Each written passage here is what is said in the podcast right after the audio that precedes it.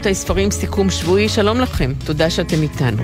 סיכום שבועי של שבוע סוער מאוד, רצוף בהפגנות, שבוע שבו החוק לצמצום עילת הסבירות עבר בכנסת ברוב של 64 קולות.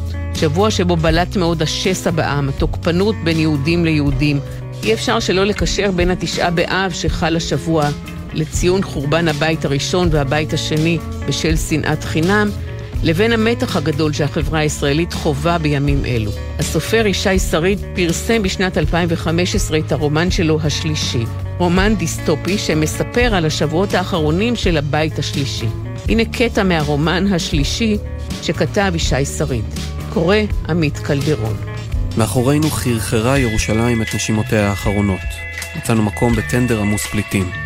אשת הנהג ראתה איש צולע נושא תינוק בזרועותיו, חסה עלינו וביקשה מבעלה לעצור לנו בצד הדרך. הם לא ידעו שאני הנסיך רוצח המלך ושהתינוק נועד להישחט כדי להציל את הממלכה. נדחסנו מאחור עם ילדיהם המלוכלכים, כמה תרנגולות ועז. בחסדם הרשו לי להשקות את התינוק מעטיניה הכבדים. הוא ינק, וינק ולחייו נצבעו אדום, ראיתי שחייו חוזרים אליו. השתרכנו מערבה בנסיעה איטית בשיירה ארוכה. ניסיתי לחשוב איך אמצא סירה ביפו, אם עוד נותר שם נמל, ואפליג הרחק לארצות הים אל מקום שבו אוכל להיעלם עם התינוק. אך כשהגענו לשער הגיא, עדיין רחוקים מהים, נתקלנו במחסום שהציבו חיילים עמלקים. אש נפתחה לעבר השיירה. אבי המשפחה בלם את הרכב והורה לאשתו ולילדיו לרוץ אחריו לעבר השדות. החלטתו התגלתה כנמהרת, שכן העמלקים קצרו אותם ללא רחמים. את הנכנעים, ואני בתוכם, עם התינוק, לקחו בשבי. הצעידו אותנו אל מכלאה שגידרו בחיפזון בתיל לצד הכביש, באמצע שדה שלף, ובאיומי רובים הושיבו אותנו על הארץ. הצלתי על אחי מפני השמש השורפת בגופי, התחננתי בפני אנשים בקול ניחר למעט מים. בקושי הצלחתי להשיג עבורו כמה טיפות. הפכנו לפליטים וכל אחד דאג רק לעצמו ולילדיו. התינוק כבר לא בכה. חששתי שזה סופו, שהוא עומד למות. השלישי, כתב ישי שריד. ספרים, רבותיי ספרים, אני ציפי גון גרוס, מפיקות את התוכנית מאיה גונן וורדי שפר, על הביצוע הטכני יואב מנדלוביץ' והלל גוטמן, בפיקוח הטכני עומר נחום. בשעה הקרובה נדבר עם דוקטור תמר סתר על הספר אהבה עד כלות, ספר שמבוסס על 223 מכתבים שכתבו המשורר דוד פוגל ורעייתו עדה נדלר פוגל זה לזו. פרופסור דן לאור המנוח חתום על הספר הזה יחד עם דוקטור רחל סטפק. נשוחח עם הסופר עידו גפן על הרומן שלו, מפעל העננים של גברת לילינבלום. נשמע מדוקטור רוחמה אלבג על הרומן המאוד מאוד אישי שלה, נשארתי בשבילכם.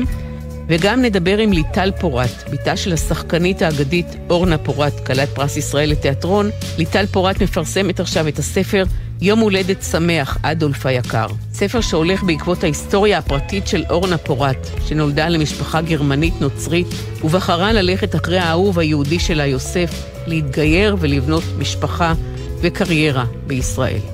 לפני שבוע בדיוק נפטרה טלילה בן זכאי. טלילה הייתה שחקנית תיאטרון, עיתונאית, תסריטאית, וגם שידרה כאן בגלי צה"ל. הנה קטע בקולה של טלילה, שמשדרת בשידור חי בשנות ה-70 מאולם התיאטרון צוותא, לפני שמועלית שם ההצגה המהגרים. ובכן, אה, בפינת הרחובות אה, אבן גבירול ושדרות שאול, בבניין מגורים ענקי בין דירות, אה, חנויות, סופרמרקט, בנק, בתי קפה, מסעדות, אולם תיאטרון בת דור ואולם הקולנוע לימור, בקומת המרתף נמצא המקום בו אנו נמצאים הערב בצוותא.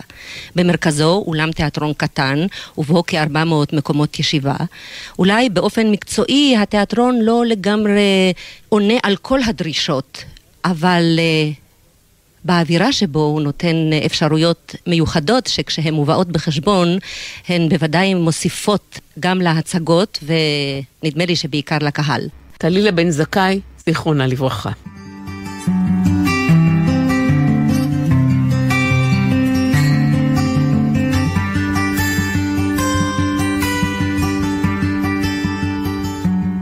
הסופר עידו גפן הוא בן 31 בסך הכל. הוא דוקטורנט לקוגניציה באוניברסיטת קולומביה ומכון צוקרמן למדעי המוח בניו יורק. הספר הראשון שפרסם, חוף הים של ירושלים, קובץ של סיפורים קצרים, הוא פורסם בשנת 2017, תורגם לחמש שפות וזכה בהרבה פרסים ספרותיים חשובים, גם בישראל וגם בארצות הברית. בחודש מאי השנה, כלומר לפני חודשיים וחצי בערך, התבשר עידו גפן שהוא הזוכה בפרס סמי רור. הפרס החשוב לספרות בעולם היהודי, והוא יחלוק את הפרס יחד עם המתרגמת של הספר שלו, דניאלה זמיר. עידו גפן הוא הסופר הראשון שזוכה בפרס לספר שנכתב בעברית. ממש עכשיו מופיע בהוצאת כנרת זמור הדביר רומן של עידו גפן, שנקרא מפעל העננים של גברת לילינבלום. הספר מתחיל בכך ששרי לילינבלום נמצאה בלב המדבר, עטופה בחלוק אמבטיה בצבע בורדו, חובשת כובע קש רחב, מרכיבה משקפי שמש עגולים, מחזיקה בידה כוס קוקטייל חצי מלאה, זית ירוק נח בתוך הכוס שלה. שלושה ימים קודם לכן התקיימה בבית של שרי לילינבלום ארוחה חגיגית, כדי לציין את אחד מהישגי השיא של שרי כמורה לרובוטיקה. תלמידה שלה זכתה במקום השלישי בתחרות הרובוטיקה האזורית. וכשהאוכל כבר מוכן, כשאילי בנה של שרי עולה לחדר העבודה שלה, מתברר ששרי נעלמה. בזמן שנעלמה, שרי המציאה מכשיר שהופך חול לעננים. הספר כאמור נקרא מפעל העננים של גברת לילינבלום. שלום עידו גפן. שלום ציפי, איזה כיף להיות איתך. איזה כיף להיות איתך, גם שוחחנו בספר הראשון שלך כשהופיע. זאת הייתה שיחה מאוד משמעותית עבורי. אז אפשר לומר, עידו, שזה ספר על חלומות ופנטזיות, על משבר האקלים שכל כך הרבה מדובר בו, על עולם ההייטק הישראלי, אבל בו זמנית זה גם ספר על משפחה ועל היחסים בתוכה? לגמרי, אני חושב שבאמת יש שם המון נושאים, אה, ה start-up nation ומי חלק ומי לא, ואקלים, אבל בסוף זה סיפור של משפחה ומה זה המחיר של לפעמים להיות חלק מתוך משפחה. אם אנחנו מדברים על הדמות אה, של שרי שתיארת בצורה כזאת יפה, באמת זאת אישה שהרבה שנים ויתרה על חלומות שלה בשביל המשפחה, והאם המחיר הזה היה שווה את זה או לא. במשפחה תמיד יש דינמיקה שהיא גם מורכבת, ועם זאת גם אה, יש בה את הנקודות הטובות, והספר הזה באמת מנסה לגעת במתח הזה. לשרי לא אכפת מה אנשים חושבים עליה, והיא שוברת, שוברת כלים. לא במובן המושאל של המילה, אלא ממש שוברת פיזית את הכלים. יש עוד משמעויות, לא רק המשמעויות הקונקרטיות לשבירת הכלים הזאת? שבירת הכלים אה, מגיעה מתוך אה, תרבות הקבלה היהודית, שבעצם אה, יש... אה, סיפור לפי הקבלה שלפני שהיה עולם בעצם היה אור שהיה בתוך כלים והכלים לא הצליחו להחזיק את האור, כלים נשברו וזה העולם שאנחנו חיים בו. ואני אעשה פה איזה ספוילר קטן, אבל אני חושב שבאיזשהו שלב בסיפור גם שרי אה, מספרת ש, שכל החיים היא חשבה שהמטרה שלנו בחיים זה לנסות ולהחזיר את הכלים למצב הקדום הזה ואם זה אומר אנחנו חושבים על החיים שלנו תמיד להיות בעבודה מסודרת ובמשפחה מסודרת ודווקא בנקודה ההיא בזמן בחיים שלה היא פתאום הבינה בזכות הבן שלה אילי שלפעמים דווקא המטרה היא לצאת מתוך הדבר השבור הזה וליצור משהו חדש ולדעת שבכל יצירה חדשה, גם הספר הזה שכתבתי תמיד יהיה משהו שבור אבל זה בדיוק גם מה שהופך אותו לאנושי כל כך. ומי מהדמויות בספר שלך מכילה בתוכה הכי הרבה מעידו גפן? זו שאלה מעניינת, אני חושב שבכל שלב נתון, כל אחד מהדמויות האלה היא קצת אני. אה, יש דמות אה, שאני מרגיש מאוד בימים האחרונים שזאת זאת נעמי, אה, האחות הגדולה בסיפור, שהיא הייטקיסטית רצינית שקצת כל החולמנות הזאת של אימא שלה לוקחת קצת בערבון מוגבל, אבל אני חושב שבעיקר מה שמאפיין אותה זה איזשהו ניסיון אה, להגן על המשפחה שלה אה, ולשמור עליהם אה, גם בתוך איזשהו שדה שהוא מורכב וכל מיני אה, חברות סטארט-אפ שמנסים לקחת את הרעיונות הטובים האלה של שרי ולנצל אותם, ואני חושב שיש בה איזשהו משהו שמנסה תמיד להתכנס פנימה לאנשים הקרובים אליה קודם כל, ואני חושב שאנחנו בימים סוערים ובוערים אה, במדינה, ואני חושב שהרבה פעמים התחושה שלי בימים האלה זה ש... הדבר הראשון שאני רוצה לשמור עליו קודם כל זה האנשים שקרובים אליי ובתקווה מתוך זה גם אולי אה, לעזור גם לחברה היותר גדולה, אבל קודם כל לדאוג למי שקרוב אליי. והספר נקרא מפעל העננים של גברת לילינבלום. עננים, אני יכולה לגלות לך, זו תופעת טבע שבעיניי מאוד מאוד יפה ומרתקת. אני אוהבת להסתכל על עננים, להיזכר בשמות של העננים שלמדנו עליהם בבית הספר. יש ענני כבשים וענני נוצה וענני גלים וענני הילה. למה החלטת ששרי לילינבלום תמציא דווקא מכשיר שהופך חול לעננים? אז א', מה שאת אומרת על עננים זה, זה נורא מעניין, ופתאום רק עכשיו אני מבין שאולי גם יש לזה קצת קשר למה שאני עוסק בו במעבדה, שזה הנושא של uh, נרטיבים וסיפורים, ואני חושב שעננים זה דוגמה מדהימה, בדיוק כמו שסיפרת, שאנחנו רואים דמויות והתרחשויות גם במקום שיש שם משהו מאוד אבסטרקטי. זה ככה דוגמה מעניינת, והאמת שהמפעל הגיע מזה, הסיפור מתרחש באזור מכתש רמון, ואני נסעתי לשם... Uh, היה לי איזושהי תמונה בראש של אותה אישה, שרה היא יושבת באמצע המדבר, אבל לא היה לי את שאר החלקים בסיפור. ואמרתי, אני חייב להבין מה קורה שם, ומצאתי את עצמי חודש במכתש, מנסה לכתוב, ופיניתי את כל הלו"ז שלי, ועדיין, את יודעת, כמו שקורה לפעמים לסופרים וסופרות, פשוט לא הצלחתי לכתוב, המילים לא יצאו. ולילה אחד פשוט uh, יצאתי באמצע הכתיבה לסיבוב, לנקות קצת את הראש, וכל האזור של מצפה רמון והמכתש היה מלא בערפל לבן שבתוכו זזו כל מיני אה, יעלים ו... ואני חשבתי לעצמי פתאום וואו זה כאילו יש כאן איזה מפעל שמייצר את העננים ובאותו רגע ידעתי שזאת ההמצאה של שרי בסיפור. ואתה קראת לה שרי לילינבלום, אז אה, לילינבלום, משה יהודה לייב לילינבלום היה סופר. הוא כתב בעברית, ביידיש, ברוסית. הוא נולד בליטא במחצית המאה ה-19, מת באודסה בתחילת המאה ה-20. זה ודאי לא מקרה שהחלטת לקרוא לגיבורה שלך שרי, כשם אחת האימהות, ועוד שרי לילינבלום. לגמרי, אני חושב שזה לגמרי גם המקורות שאני בא מתוכם, גם uh, המרחב uh, הטיפה יותר uh, מזרח אירופאי, אבל גם באמת שרי, אני חושב שיש משהו uh, בשם הזה שהוא בעצם השם שניתן לשרי אימנו, השם שרה בא אחרי וקודם כל היא נקראה שרי, ואני חושב שגם בסיפור הזה רציתי להתעסק בדמות שפתאום בוחרת בעצמה אחרי שנים שהיא בחרה בתפקיד שלה כאם של משפחה וכמורה וכאדם עם המון אחריות ופתאום באיזשהו גיל בחיים מחליטה קודם כל לשים את עצמה במרכז ולראות גם מה המחיר של הדבר הזה. ואני חושב שיש משהו יפה בניסיון להתעסק אולי, אני הרבה פעמים חושב על שרה מהסיפור התנ"כי, מי הייתה לפני שהיא הייתה שרה, ומי זאת הייתה השרה הזאת לפני שהיא פגשה את אברהם. וזה אולי הנקודה בזמן שאני גם מנסה להתעסק בו בסיפור שלי. ותרשה לי, ההקדשה שלך מתחילה במילים לנריה שהייתה שם מבראשית. אז אני משתמשת בידע מוקדם שיש לי כדי לציין שבת הזוג שלך היא נריה קראוס, נכון. שהיא כתבת אה, בטלוויזיה והיא גדלה כאן אצלנו בגלי צה"ל. אז אה, אתה יכול למסור גם לנריה וגם לעצמך שהספר הוא מאוד מעניין ואפשר לקרוא אותו גם ביותר מרובד אחד. מפעל העננים של גברת לילינבלום שהופיע בהוצאת כנרת זמורה. תודה לך. תודה רבה.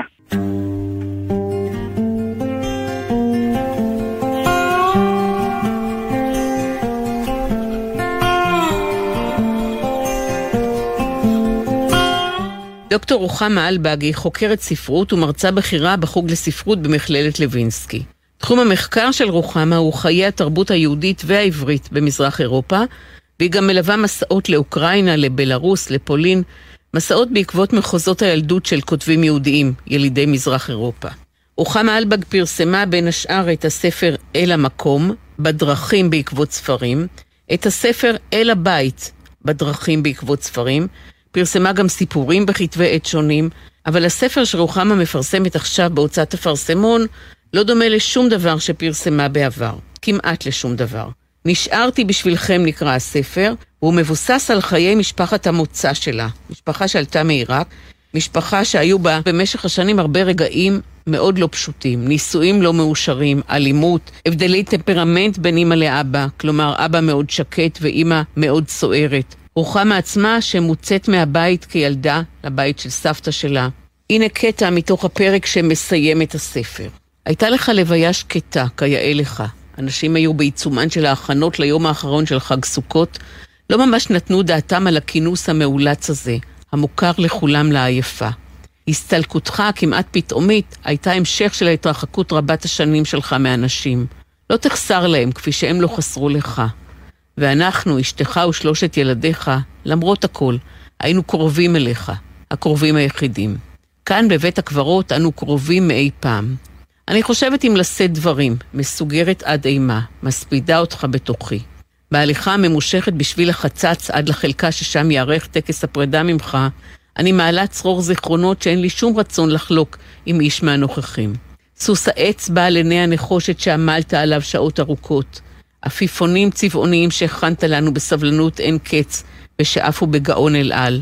לילה ארוך הכנת מנייר קרפ צהוב תלבושת מצועצעת לט"ו בשבט. הייתי סביון, דגל כחול לבן שהנחת בתחתית הארון שלך, מלופף סביב מוט עץ סמטין לתורו פעם בשנה. העיסוק הבלתי נלאה שלך במנועים ובמכוניות משומשות שנקלעו למגרש החניה שלנו, העניק לשני בניך הזדמנות נדירה להיות איתך. פירקתם מנועים, בעיקר נברתם בקרביה של הסוסיתא. הייתם צוות אילם ויעיל. את ספרי הלימוד שלנו עטפת בקפדנות, כל שנה צבעי עטיפה שונים, מקור לגאווה ולדוגמה בבית הספר. סחבת נפט במכל פח והדלקת תנור בחורף, גם כשלא היה מאוד קר. חידדת עפרונות, ערכת קניות, מיהרת לטגן ביצים מקושקשות לפני שנקום. הערת אותנו בבוקר בטריקות קצובות של דלת האמבטיה. אפשר היה להעיר אותנו אחרת, השתדלת. נמנעת ממגע, אבל כיסית אותנו כשהלכנו לישון, ולא משום שהיה קר. התייחסת ברצינות לחששות שלנו מהחושך, והגשת כוס מים. תמיד היית שם, ממלא באחריות את תפקידך. תודה לך, אבא, על הנאמנות. עיני שלושתנו נעוצות בבור הפעור באדמה. כאן נטמון אותך, אבא שלנו. אחי ואני התחבקנו. אמא שלי בחרה לעמוד כל הלוויה ממרחק בקצה החלקה. לא טוב לי, נימקה את פשר עמידתה המתבדלת, כאילו אין לה כל שייכות לטקס הקבורה ולכל מה שקורה כאן. סוף ציטוט. שלום, דוקטור רוחמה אלבג. שלום רב ציפי וכל המאזינים.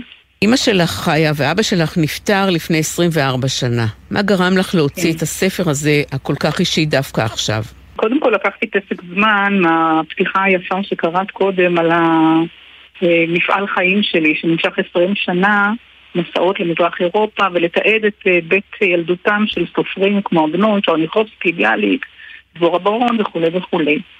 אז סיימתי את הפרויקט הגדול הזה, זה דבר אחד, והחלטתי סוף סוף לכתוב את המסע שלי הביתה, לא בעקבות סופרים אלא בעקבות עצמי. אני חושבת שהתבססתי גם עליהם, כלומר מה שאגרתי במשך המסעות האלה נתן לי הרבה כוח ורצון.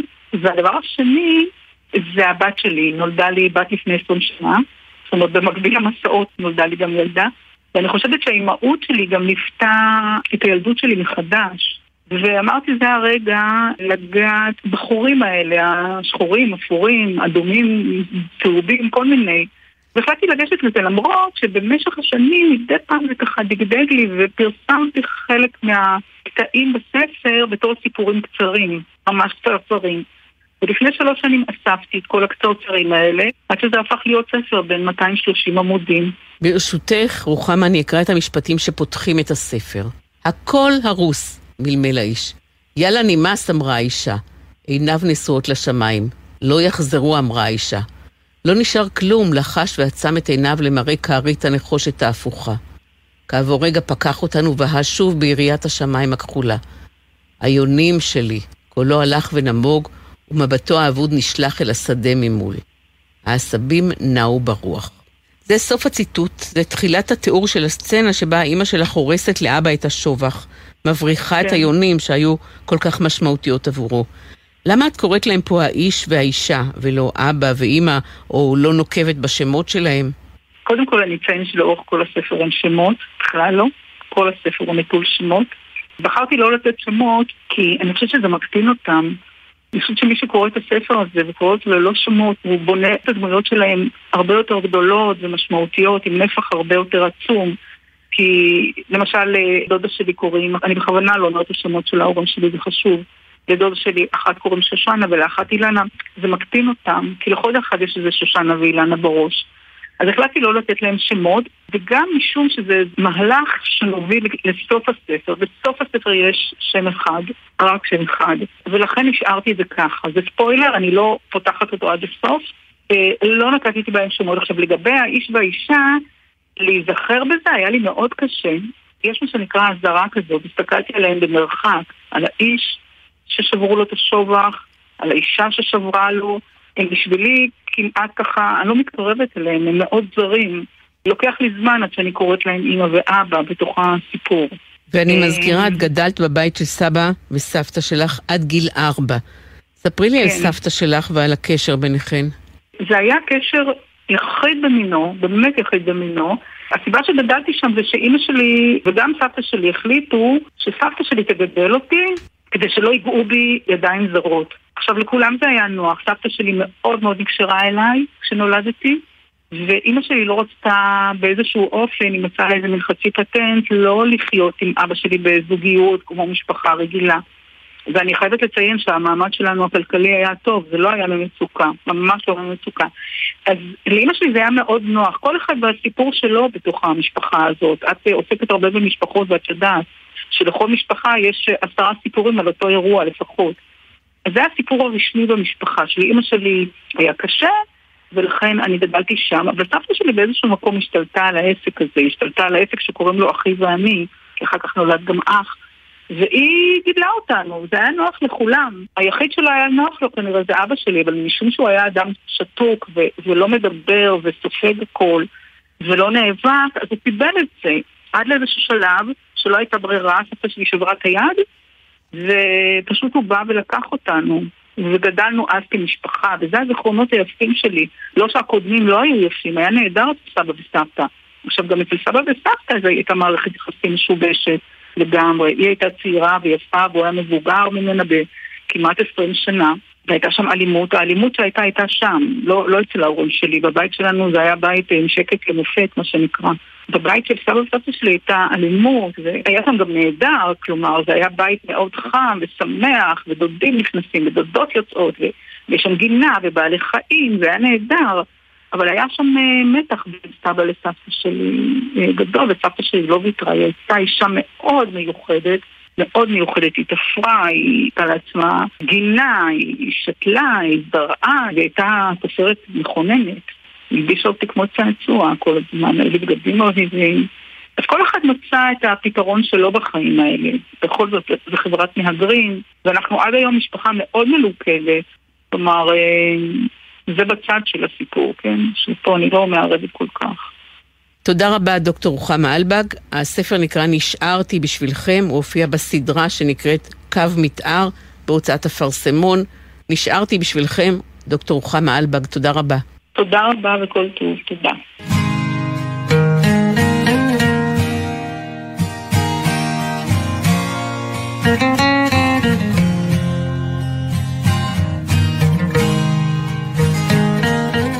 אורנה פורת הייתה שחקנית תיאטרון מוכשרת מאוד, כריזמטית, אהובה, במאית ומייסדת תיאטרון הילדים והנוער המצוין שקרוי על שמה תיאטרון אורנה פורת. היא זכתה בפרס ישראל לתיאטרון, בפרס ברנר, בפרס אמת. בכל פעם שאני הולכת עם אחד הנכדים שלי להצגה בתיאטרון אורנה פורת, שומעים במערכת הכריזה לפני תחילת ההצגה את הקול שלה, כשהיא מבקשת מהילדים לא לאכול בזמן ההצגה, ומההורים לכבות את הניידים שלהם. אורנה פורת נולדה בשנת 1924 בשם אירנה קליין, בעיר קלן שבגרמניה, בת למשפחה גרמנית נוצרית. היא גדלה והתבגרה בגרמניה הנאצית, הצטרפה לתנועת הנוער ההיטלראי, כמו רוב בני גילה, הלכה ללמוד משחק למרות שאבא שלה מאוד התנגד לכך, והתחילה לפסוע לתוך עולם התיאטרון. עד שמלחמת העולם השנייה טרפה את כל הקלפים. כשנודע לאירנה קליין על הזוועות שחוללו בני העם הגרמני, העם שלה, היא החליטה לעזוב את גרמניה. היא התאהבה בקצין יהודי ששירת בבריגדה, ג'וזף פרוטר, עלתה לארץ, התגיירה והפכה לאורנה פורת. שנתיים אחרי שנפגשו אירנה קליין וג'וזף פרוטר, הם עלו לישראל והקימו כאן את ביתם ואת משפחתם. ליטל פורת היא אשת תיאטרון, עורכת דין, היא כתבה כמה מחזות, פרסמה ספר שירים. ליטל פורת היא כמובן הבת של אורנה ויוסף פורת, והיא מפרסמת עכשיו בהוצאת כנרת זמורה את הספר יום הולדת שמח, אדולף היקר. שלום ליטל. שלום, שלום. אימא שלך, כשהייתה עדיין אירנה קליין, הייתה חברה בתנועת הנוער ההיטלראי, וגם עשתה שנת שירות, אפשר לקרוא לזה, בגסטאפו. מה היה הרגע שבו היא החליטה לתת גט כריתות לגרמנים? היה רגע אחד מכונן אה, שבו היא שמעה משומר במחנה ריכוז ששירת ונדרש לשרת, אה, גויס, אה, אדם דווקא לא כל כך צעיר, הוא שירת ושמר ויום אחד יצא לחופשה והיה נשוי למישהי מהתיאטרון והוא בא ופיטר בתיאטרון, כולו בדמע, הוא שבור, היה רצוץ כולו והוא סיפר על דברים שלא יאמנו שהעם הגרמני מעולל לאנשים אחרים, אה, חלקם אגב גרמנים כמובן, דברים שפשוט לא יעלו על הדעת. ובאותו רגע כולם כמובן סברו שהוא פשוט יצא מדעתו, כי, כי אין במציאות שום דבר שידמה לזה, ואי אפשר להאמין למה שהוא מתאר, למה שעושים לבני אדם, שמעבידים אותם בפרך במכרות אה, ללא מזון עד שהם מתים מרעב, ועוד כהנה וכהנה דברים שאנחנו מכירים היטב פה בארץ. ובאותו רגע, על אף שהרוב, רוב האנשים לא האמינו לו, לאחר מכן כבר כן, אבל אירנה דאז, אורנה, אימא שלי, אמרה בליבה, לא, לא, ניכרים דברי אמת. אני כאן לא נשארת. לא חשוב מה, לא חשוב לאן, אני את גרמניה אעזוב. איך קיבלו אותה פה, מדינה צעירה, שעבור חלק ניכר מאוד מהתושבים להיות גרמני פירושו היה להיות השטן, מלאך המוות בהתגלמותו. איך קיבלה אותה החברה הישראלית? המעניין הוא שכשאבא, לאחר שהוא החליט להינשא לאמא ולאחר שהיא נתנה את הסכמתה, שלח לאחיו ולאחותו אה, מכתב, הם היו כבר בארץ, ורק זה, ממש זה עתה נודע להם שהאימא שלהם נספתה באושוויץ. והוא כתב, אני התאהבתי בבחורה גרמניה, לא יהודייה, ואני רוצה להינשא לה, ואנחנו נבוא לחיות בארץ, והמשפחה אה, מאוד העריכה אותו. ויחד עם זאת היא אמרה, תעשה מה שאתה, אנחנו נקבל כל החלטה שלך, אבל קח בחשבון שהיא עלולה נורא נורא לסבול. וסופו של דבר היה שכשהגיעה לארץ, אדרבה, ונהפוך הוא, היא כל כך התקבלה יפה. וזה היה מהרגע שהיא הגיעה ארצה, שירדה מהרכבת בחיפה, כמדומני, ועד ימיה האחרונים היא תמיד כל כך העריכו אותה בארץ על המעשה שהיא עשתה, שהפנתה עורף לעם שלה, לתרבות, למוצא, למשפחה, לכל מה שהיא חונכה עליו. היא גם יכולה הייתה בקלות אה, לאבד את המקצוע שלה, משום שהמקצוע הזה הוא תלוי כמשחק, זה מקצוע שהוא תלוי שפה. אז אדרבה, העריכו אותה מאוד, ואני חושבת שהיא מאוד נהנתה, ומאוד אה, מגילויי הערכה והחיבה שהיא זכתה להם פה בארץ. ואבא שלך, יוסף, היה לו תפקיד בכיר במוסד. הוא ואימא גם נשלחו לכל מיני משימות סודיות. מוכנה לספר על זה? אני אוכל לספר רק כמובן על מה שכבר אה, פורסם ברבים, וזה על, ה... על השליחות למרוקו. שם הם ישבו כמה וכמה חודשים. אפשר להניח שתחת כיסוי זה לא יהיה סוד גדול, כן, לגלות. ושם הם למעשה בישלו אה, את השלום עם מצרים, אה, עם הנציגים של מלך מרוקו. וזה, אה, אני חושבת שהיא עשתה איזה סוג של אולי איזה תיקון קטן, איזה... קודם כל, אירניה ביוונית כנראה בכלל, זה אלת השלום. זה שם מעניין. אני לא יודעת מאין אימא שלה אה, לקחה את זה בתחילת המאה הקודמת, כלומר באמת אה, לא ידעו כל כך, בוודאי לא יוונית ובוודאי לא תרבות אה, עולמית כללית, ובכל זאת.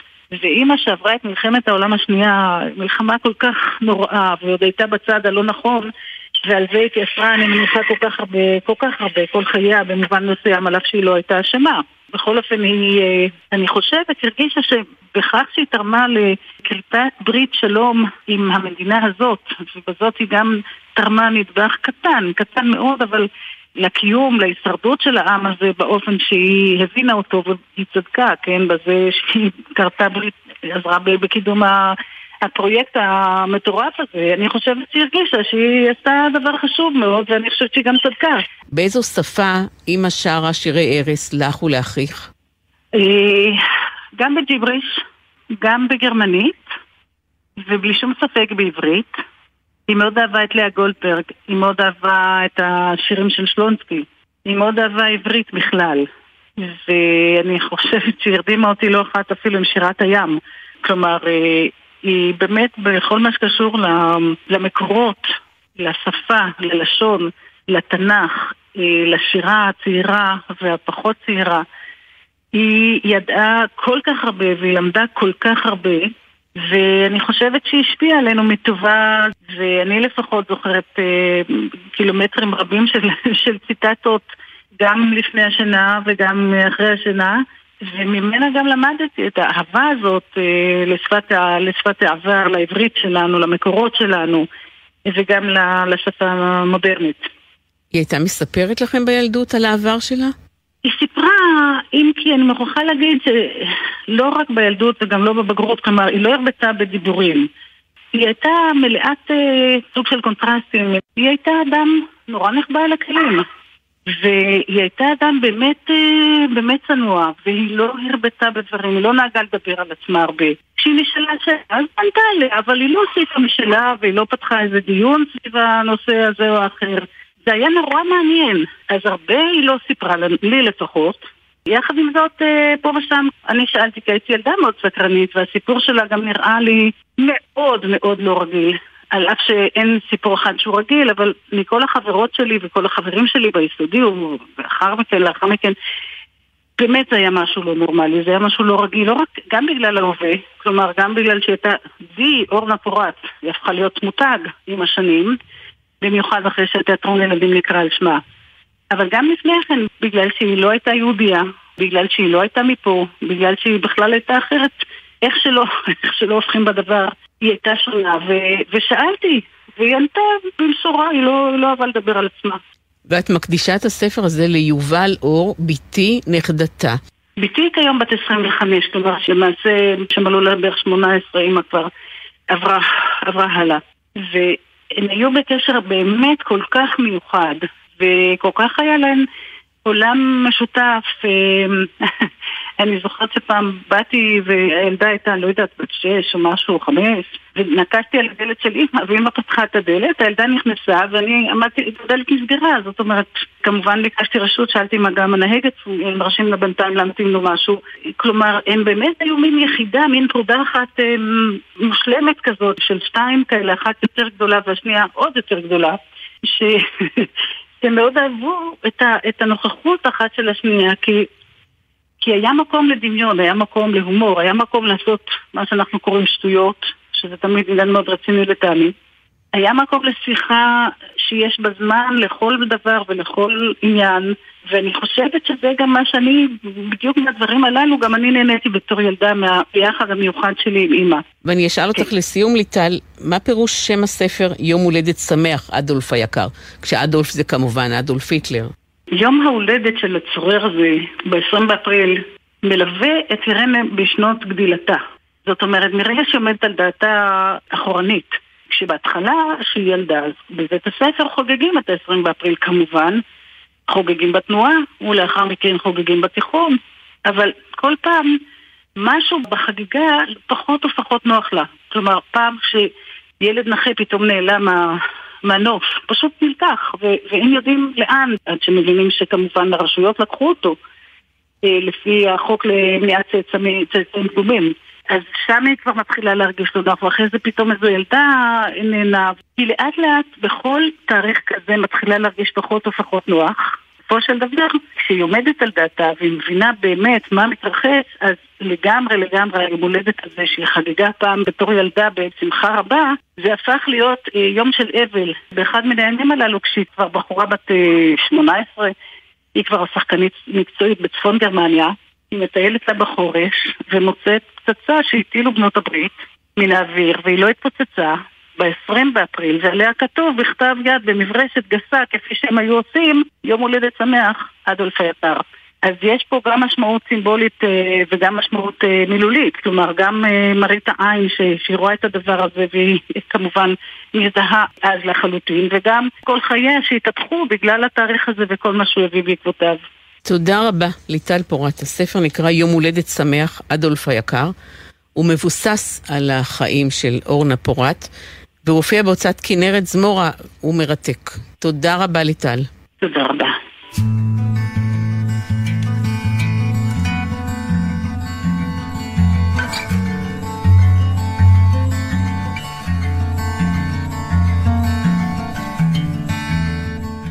חוקר הספרות פרופסור דן לאור, שהתראיין כאן בספרים רבותיי ספרים עשרות פעמים במהלך השנים, הלך לעולמו בשבעה במאי השנה. אני מודה שמאוד הופתעתי, כי לא ידעתי שהוא חולה, כמובן הצטערתי מאוד מאוד. פרופסור דן לאור חקר את היצירות של נתן אלתרמן, של שי עגנון, של אורי צבי גנסין, של חיים עזז. בשנים האחרונות הוא התמקד בכתיבה של המשורר דוד פוגל. בשנת 2019 הוא פרסם את הספר בקרון החתום. ספר שהוקדש לפרשת חייו, נדודיו ומותו של דוד פוגל, ועכשיו, חודשיים וחצי אחרי מותו של דן לאור, מופיע בהוצאת דביר יחד עם מכון הקשרים, הספר אהבה עד כלות. כותרת המשנה של הספר היא דוד פוגל, עדה נדלר פוגל. ספר שמבוסס על חליפת המכתבים, ליתר דיוק על 223 מכתבים שדוד פוגל ורעייתו השנייה, עדה נדלר פוגל, החליפו ביניהם בין השנים 1925 ל-1940. היא קוראת לו דוידלה, יקירי, אהובי, והוא מכנה אותה איידולה, אהובתי היקרה. היא כותבת לו על הגעגועים העזים אליו, על הספרים שקראה, למשל חלף עם הרוח, מדווחת על הבריאות שלה, שולחת לו כסף, חולצות, בסופו של דבר גם סרטיפיקט. הוא שולח נשיקות, שולח אהבה, מספר לעדה שלו על הרצון העז להשתחרר כבר סוף סוף מהמחנה. הוא, דוד פוגל, מבקש צילום של הבת שלהם, תמרה, ומידי תמרה מזרחי פוגל, שמוזכרת הרבה בהתכתבות, הגיעו המכתבים האלה אל פרופסור דן לאור. איתנו עכשיו דוקטור תמר סתר, שכתבה את עבודת הדוקטורט שלה על חייו ויצירתו של הסופר דוד שיץ, והיום כותבת פוסט-דוקטורט על היצירה של הסופר אהרון אפלפלד במסגרת מכון הקשרים באוניברסיטת בן גוריון בנגב. שלום דוקטור תמר סתר. שלום ציפי, ואני מתנצלת מראש על רעשים שיהיו, אני בחופשה.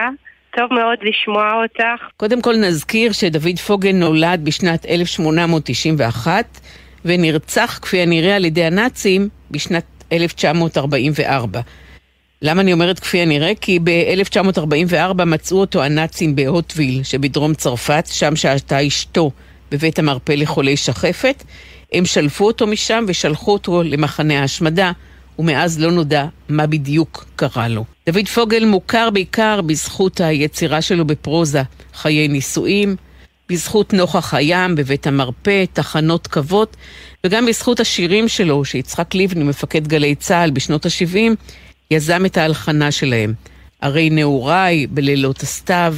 אני רוצה לשאול אותך, דוקטור תמר סתר, מה מגלים המכתבים האלה, 223 מכתבים על דוד פוגל ועל עדה נדלר פוגל?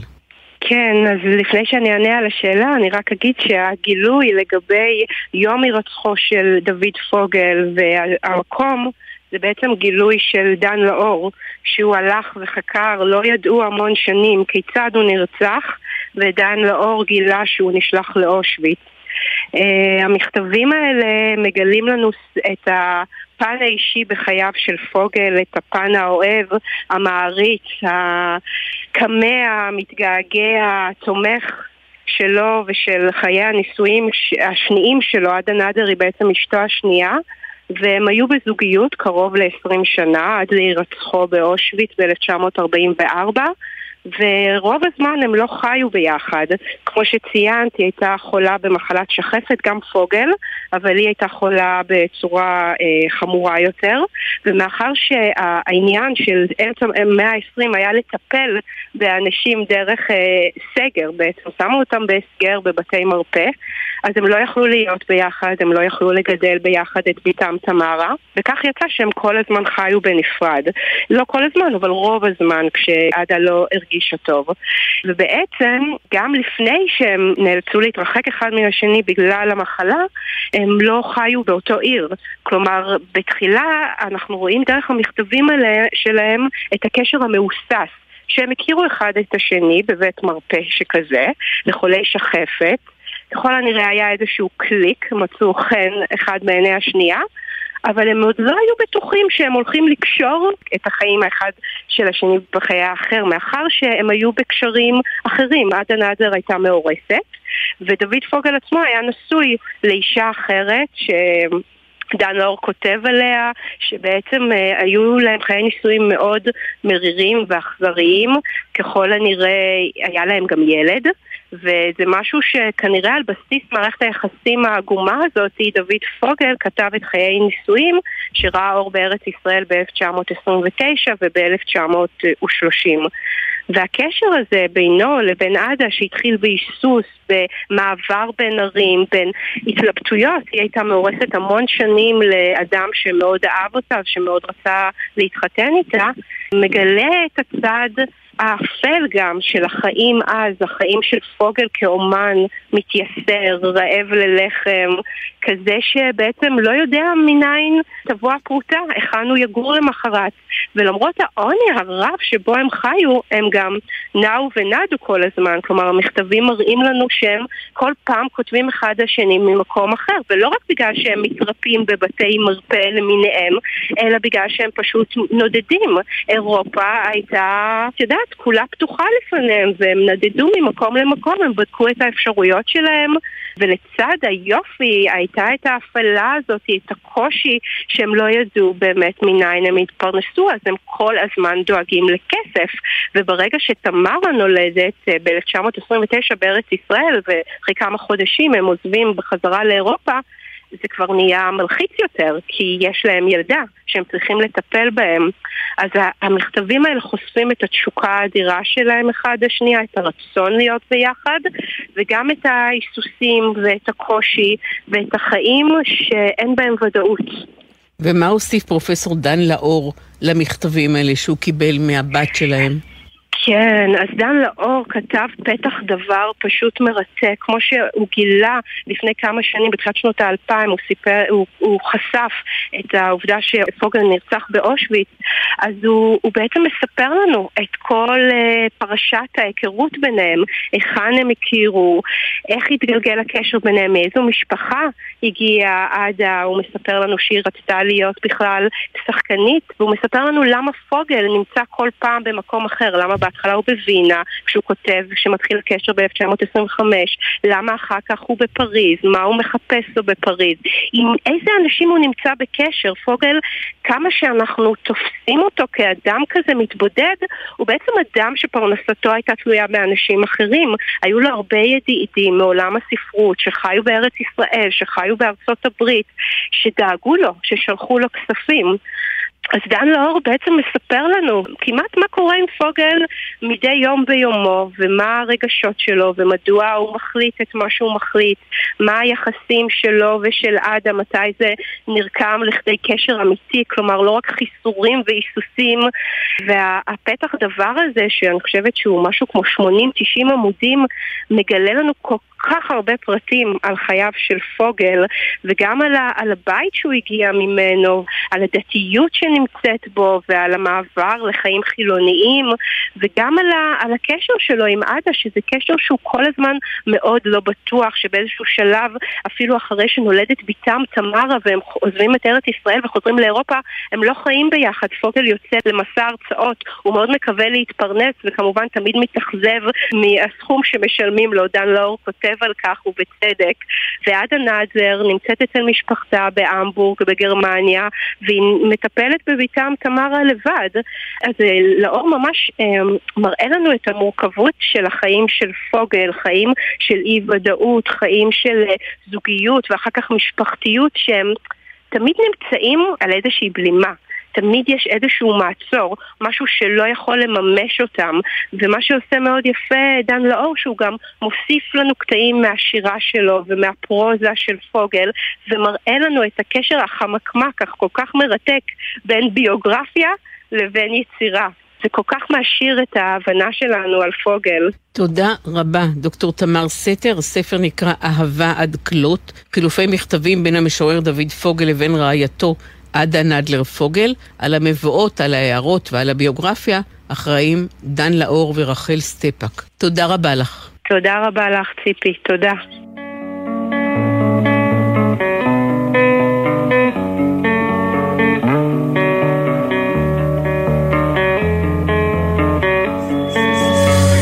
ספרים, רבותיי, ספרים, עד כאן התוכנית להיום.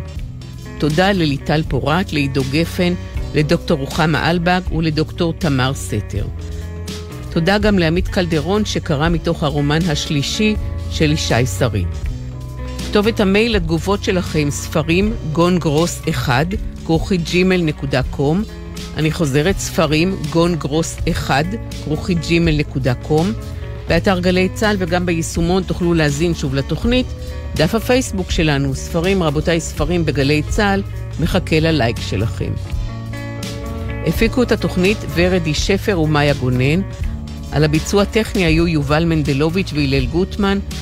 בפיקוח הטכני היה עומר נחום. המלצה קצרה לסיום מההצגה "מה קרה לעולם". דרמה קומית שכתב גור קורן, ביימה תמר קינן והיא מועלית בתיאטרון הקאמרי. הגיבורה הראשית בהצגה היא רזיה, מושבניקית בת 70, שיוצאת למשימה החשובה מאוד של הצלת חיי הנישואים של בנה. איתה גם יצחק עלי בעלה, ושני המושבניקים הקצת מיושנים, קצת פתטיים האלה, נפגשים במסע הנמרץ שלהם עם העיר הגדולה ועם הדור הבא של המשפחה. מחזה שנון, בימוי קצבי, המשחק של אודיה קורן בתפקיד רזיה ממש ממש מעולה. כמוה משחקים באופן משכנע גם שאר המשתתפים בהצגה. מומלץ ביותר. מה קרה לעולם בתיאטרון הקאמרי? אל תחמיצו את אודיה קורן, מוטי כץ, רמי ברוך, ישי גולן, אנדריאה שוורץ, נטע שפיגלמן ושירן בוכניק. ספרים רבותיי, ספרים אני ציפי גון גרוס, שתהיה שבת שלום, ואחרי השבוע מצוין.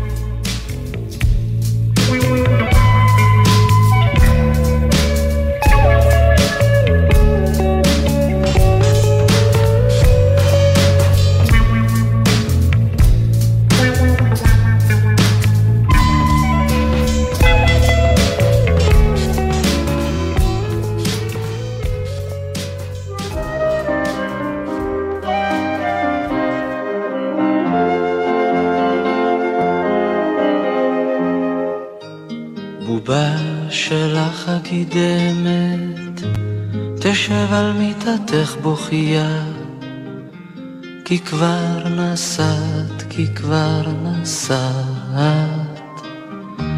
דובך שחום דובך, ישב על מיטתך ובוכה, כי כבר נסעת, כי כבר נסעת.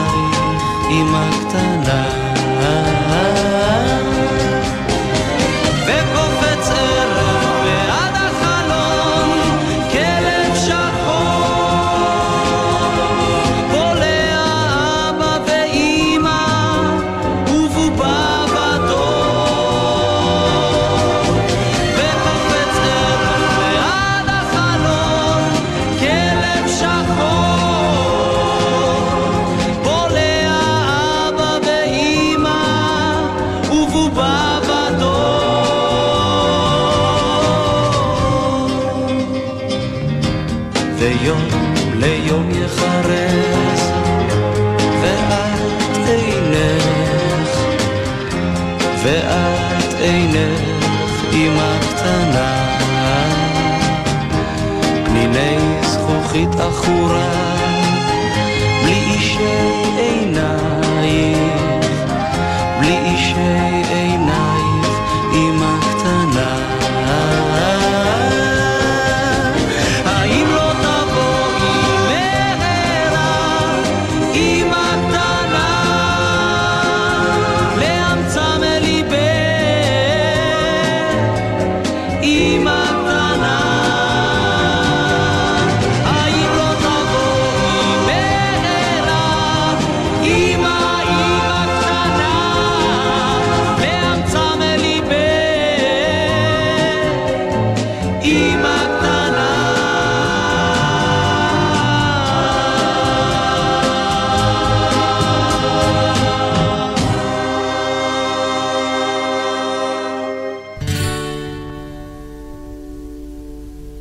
שיר כאב עובר ושב.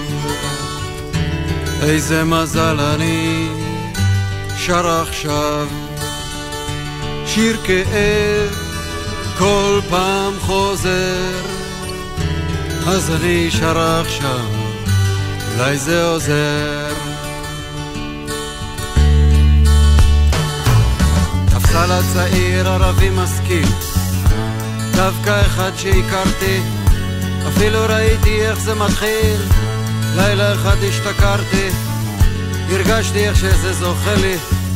מתחת לרגליים, ואיך שזה אוכל אותי. עד קצות הציפורניים. טוב, אני לא יכול להקיף אישה.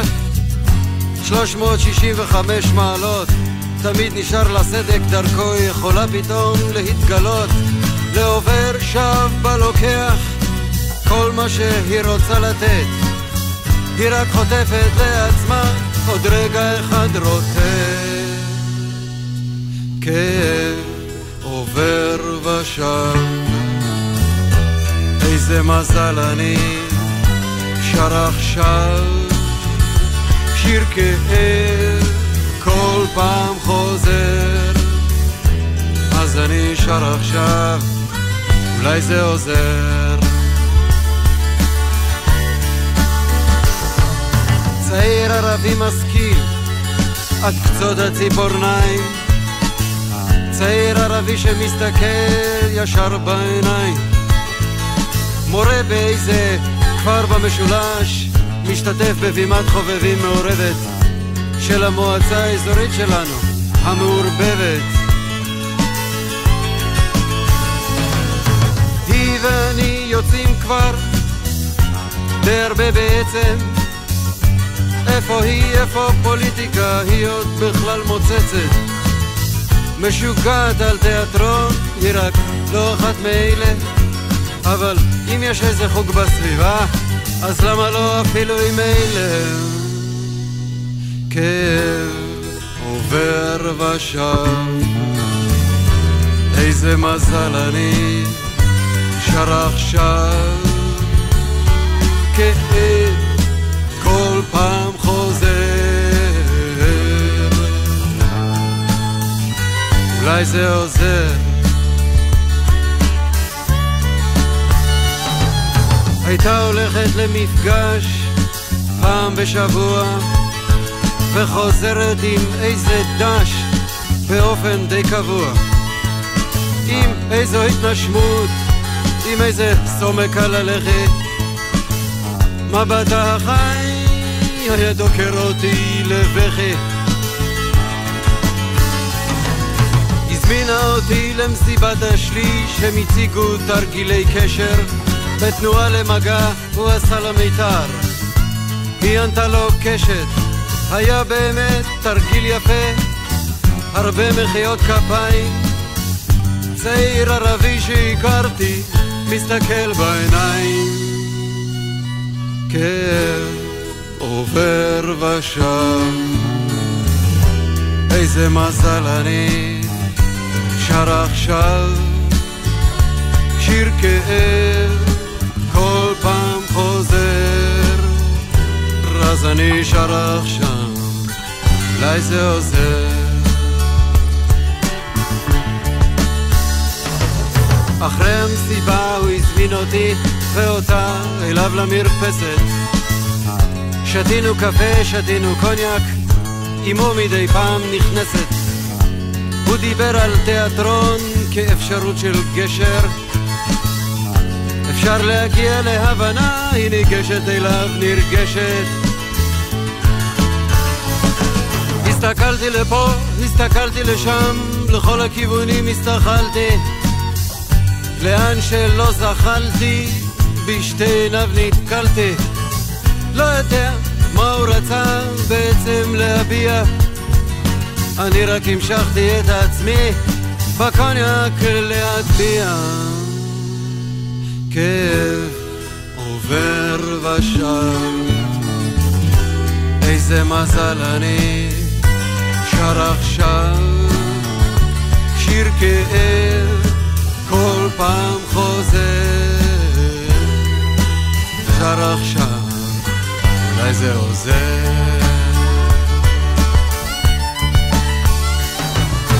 אי שם במרחב נבחו כלבים לירח. זזים אמרתי מאוחר חכה אמר מה אתה בורח? אולי תישארו ללון אצלי הציע במפגיע אתה הרי כל כך שטוי אמרתי לו נגיע לאן תגיעו? הוא אמר מביט בי בעיניים החזרתי לו מבט, זרקתי ירושלים. זה לקח לו קצת זמן להביא חיוך, הוא לא הזיז עין. אחר כך הוא דיבר אליי, ישר אל תוך היין.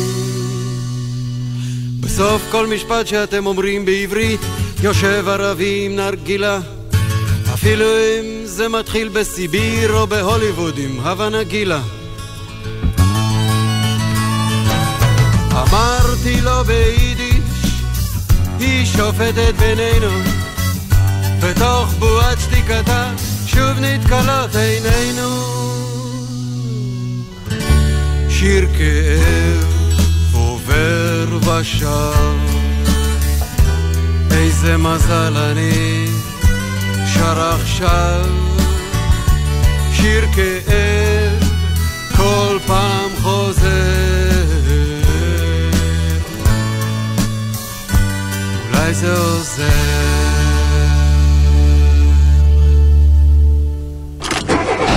נשמע, נשמע, השבוע, של.